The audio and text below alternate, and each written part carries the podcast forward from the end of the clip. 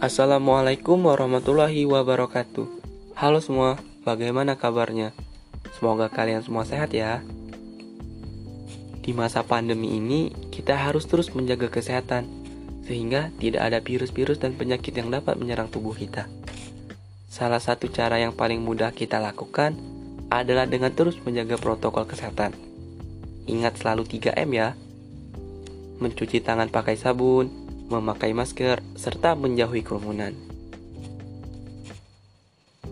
Oke, di sini aku izin memperkenalkan diri terlebih dahulu. Nama aku Wahyu Setiawan dari Prodi Teknik Industri Institut Teknologi Sumatera. Dalam kesempatan kali ini, aku mau ngucapin selamat datang di podcast pertamaku. Dan aku harap kalian bisa menikmati ya. Jadi dalam podcastku kali ini, aku mau sharing-sharing ke kalian tentang apa aja sih future plan atau rencanaku di masa depan. Yang pertama, aku harus lebih giat belajar, harus lebih aktif, harus bisa lebih produktif di dunia perkuliahan. Kenapa? Karena sistem belajar di sekolah menengah dan perkuliahan itu berbeda. Harapanku sih di semester awal aku bisa mendapat nilai yang bagus sehingga bisa membuat diriku ter lebih termotivasi. Yang kedua, aku harus bisa lulus kuliah tepat waktu. Dengan cara aku harus berusaha, aku harus rajin beribadah. Kalau itu aku lakuin secara tekun, rencanaku yang ke yang kali ini bisa tercapai. Dan yang ketiga,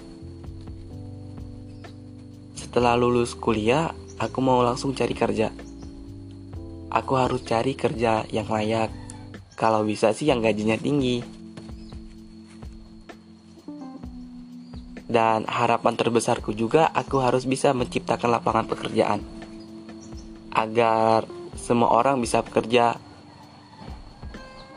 Dan aku pun bangga kalau aku bisa menciptakan perusahaanku sendiri.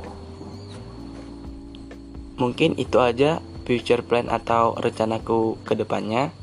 Semoga itu bisa aku capai satu persatu dengan cara harus bersungguh-sungguh mulai dari sekarang.